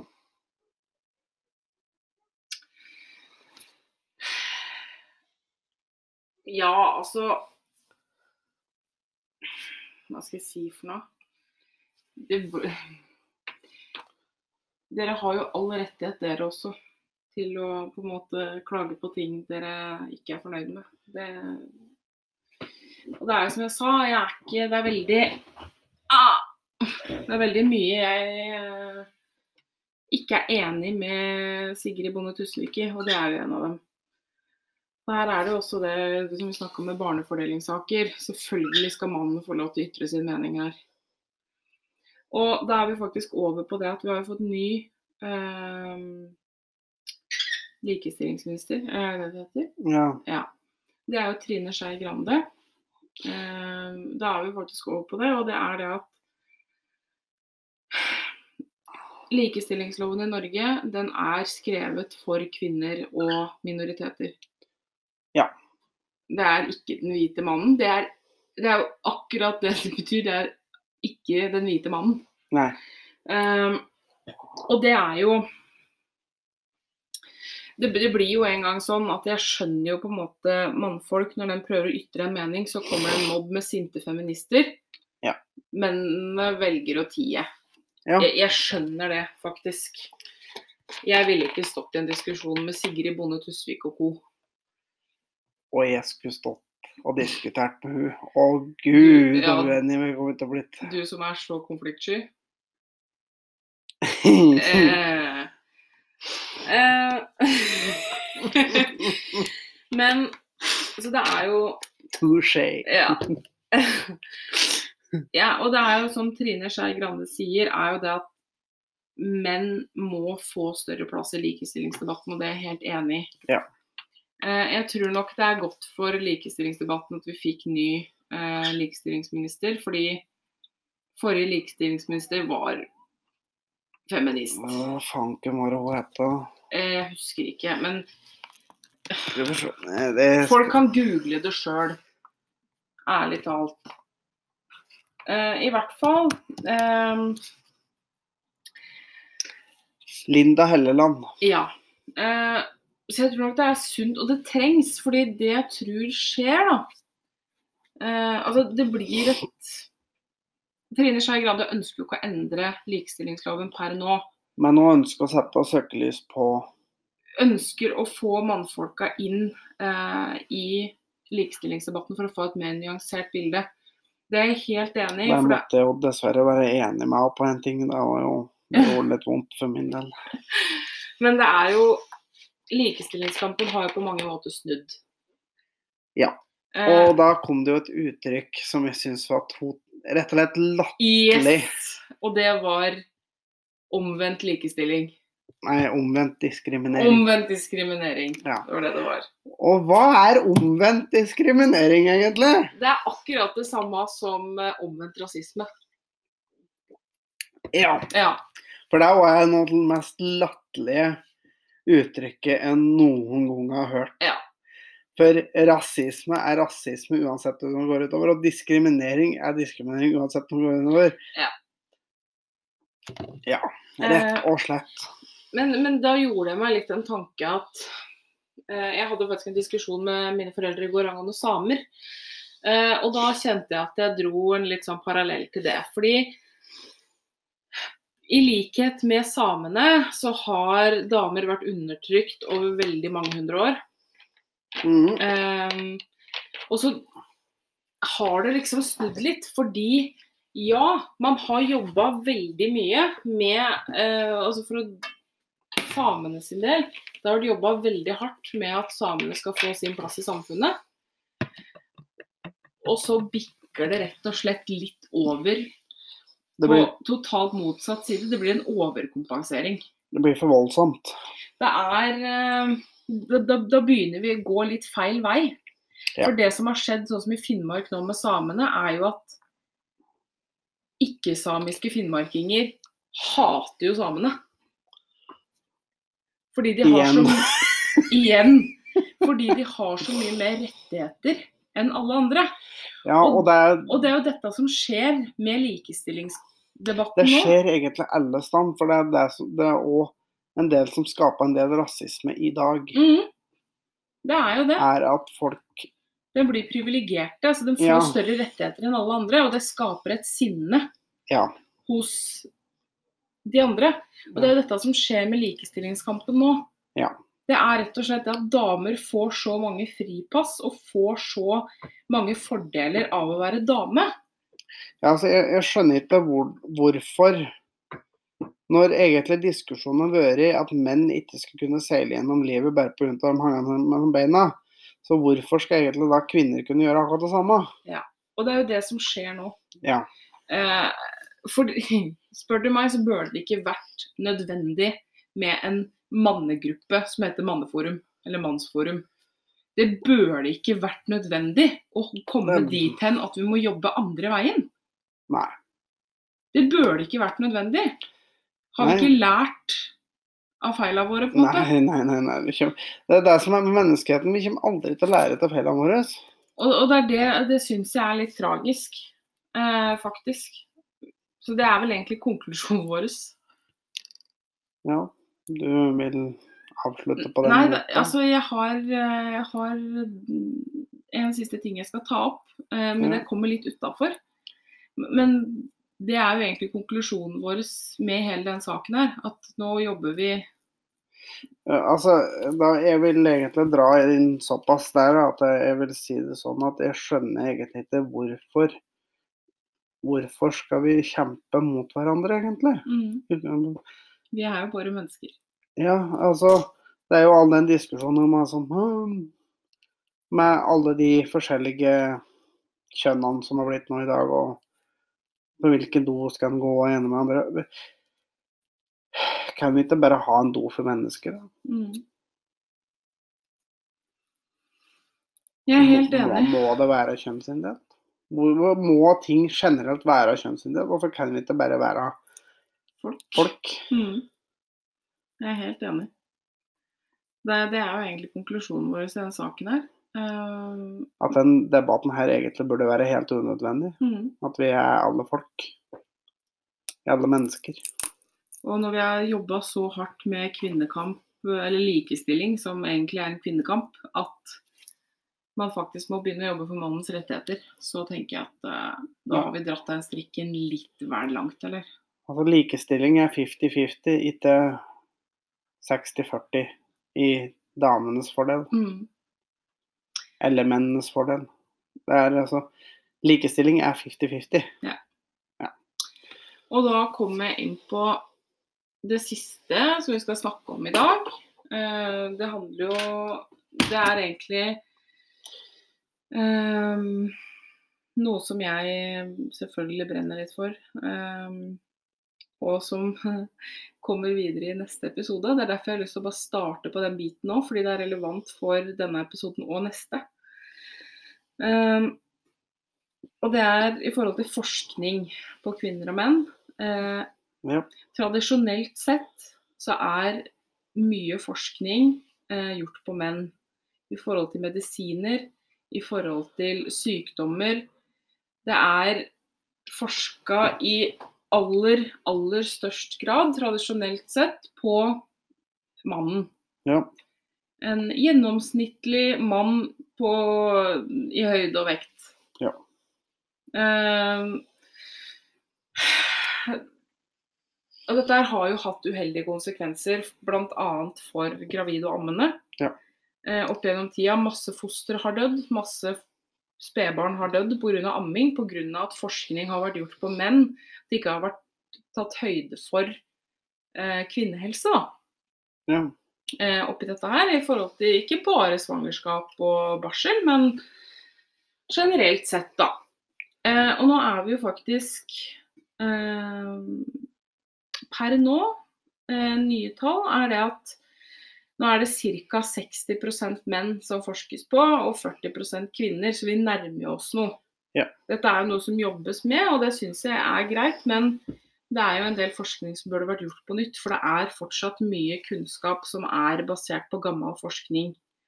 Ja. Um, og da er det jo det Et punkt i de fem mytene er jo da at kvinnehelse ikke har like mye fokus som mannens helse. Og da kommer vi inn på bl.a. dette her med kreft, da. Eh, brystkreft er jo en kreftform som i aller høyeste grad eh, rammer kvinner. Eh, men også noe, altså menn kan også få brystkreft, men det er jo klart overrepresentert Ja, damer det, det er veldig, veldig få menn. Ja. Så her har vi to kreftformer som er egentlig kjønnsdelt, og det er brystkreft og prostatakreft. Ja. Eh, så det er Brystkreft har det vært veldig mye fokus på. Eh, prostatakreft ikke like mye fokus. Selvfølgelig, det, det også kom jo som et motsvar Det- til rosa sløyfe-kampanjen. det- Så det det har- Det sløyfe-kampanjen. har begynt å bli satt fokus på, men selvfølgelig så er jo ikke kvinner ramma av prostatakreft. Så den saken blir jo ikke nevnt noe særlig i den leiren, da. Men der er jeg på en måte litt uenig med det som ble sagt. Og det er at Eller vi starta, vi snakka litt om det før vi begynte å spille inn, og der var vi litt uenige. Um, fordi det, det blir bevilga mer penger til både forskning og i det hele tatt eh, og behandling av brystkreft enn prostatakreft. Ja. Og der hadde du noe å si. Jeg vet ikke om du husker hva du sa en gang. Nei, nå har jeg Men det var, du syns det var urettferdig, at det, det er feil, liksom. Dette er i kvinnens favør. Jeg har faktisk Tror jeg har svaret. I hvert fall i huet mitt noe som gir mening. ja. Det er av den enkle grunnen at brystene sitter utapå kroppen, prostataen sitter inni kroppen. Jeg tror faktisk at svaret er så enkelt at pupper syns, prostata syns ikke. Nei. Eh, og det er jo det, det, det som har vært en del av den rosa sløyfe-kampanjen, det er jo rekonstruksjon av bryst etter Ja, der mastektomi, altså fjerning av bryst. Ja, for uh, i tilfelle der menn får fjerna nedentall der, så blir det rekonstruert stort sett med en gang. Prostataen sitter inni kroppen. nei, altså i forhold til testikkelkreft, da. Der får de inn en protese, og så Ja, er den det skjer med en gang. Ja. Mens damer hatt må gå flere måneder og vente på År. Og år, for så Ja. vidt. Eh, så det har jo vært Det er jo, det er jo her det ligger Så der- litt, da. Jo, det er jo her det ligger litt, da. Eh, dette handler jo om kroppsbildet. Ja. Hele veien. Vi jobber jo Det er jo en helt annen diskusjon, men det å styrke folks eh, selvbilde og kroppsbilde Prostata syns ikke, bryster syns. Ja. Eh, og det er jo faktisk noe med det at brystene våre på samme måte Altså på samme måte som for dere menn. Det sier jo litt om femini, feminin, Femininitet. femininitet. Ja. Femininiteten vår. Femininitet. Uh, det er en del av identiteten vår. Uh, og bryster er jo selvfølgelig pent å se på. Oh yes. Bryster er jo en seksualisert greie. Eh, Av en eller annen årsak. av en eller annen årsak. Ehm, men, men det er rett og slett dette handler om, da. Jeg er ganske sikker på at det er der det ligger. Det er det at det syns så innmari godt. Ja. Eh, og som dere da kanskje skjønte, tema for blant annet da det som skal tas opp i neste episode, det er jo pupper. Så Ja. stay tuned. Oh yes. Eh, det må jeg bare si. En tenk- liten teaser der, en altså. liten teaser. Men jeg tenker at eh, jeg, jeg føler jeg har svaret Mm. på akkurat den der, faktisk. Ja. Men eh, nå har vi sittet her og babla i et par timer, eller? Det har vært så en time og tre kvarter nå. Å, herregud. Stakkar. Ja, så hvis dere har hengt med til nå, så ja. Dere Bra jobba. Vi hadde mye å si om saken. Eh, Og litt teknisk dif- difficulties. Hvis, hvis det er et eller annet sånn usammenhengende rart her, er for at vi har hatt litt tekniske problemer i dag. Ja. Ja. Rett og slett. Vi skal prøve å få ordna det så godt vi kan, men vi kan ikke love at det ikke er noe hakking og litt diverse. Det kan Det vet om alt. Ja. Ja Hvis det kan komme hit. Hvis det var inne hakking og litt usammenheng, er rett og slett technical difficulties, og det beklager vi. Men uh, Det er ikke håper alltid teknikkene helt med oss her. finne en annen løsning etter hvert, tror jeg. Som... Ja, du vet det er sikkert for at det spiller inn på en Mac. Oi! Oi. Nei da. Så det. Men Yes. eh, da tenkte jeg vi skulle rappe disse opp og tenke altså Vi ble ikke så uenige som det jeg hadde trodd, ass. Nei ja. Vi ble jo for så vidt ikke det. Faktisk. Det gikk sivilisert for seg. Kanskje litt for sivilisert. Ja, men vi har vært litt uenige òg, altså. Ja da, vi har det. Men jeg håper dere har uh, nytt denne episoden. Det kommer flere sånne spesialer etter hvert. Eh, Som vi har nevnt flere ganger, så blir det en om uh, psykisk helse. Men den må vi bare få jobba litt uh, mer med. Det krever eh, Der krever det en del jobb. Så kan vi ta en annen teaser at det kommer en liten sånn eh, USA-spesial etter hvert. Det gjør det. Som det jobbes litt med, så det, det kan bli gøy. Det blir nok mye fun facts, faktisk. Ja, Det gjør det. Det blir gøy. Gleder oss til det. Ja. Kjempekoselig at dere følger oss. Har sett at eh, det har dukka opp noen nye følgere på Facebook-sida vår. ja og til eh, nye og gamle lyttere, vær så snill, del med vennene deres. Følg på Instagram. Der kan det hende det skjer litt fremover. At vi eh, kommer opp litt stories og litt sånn der.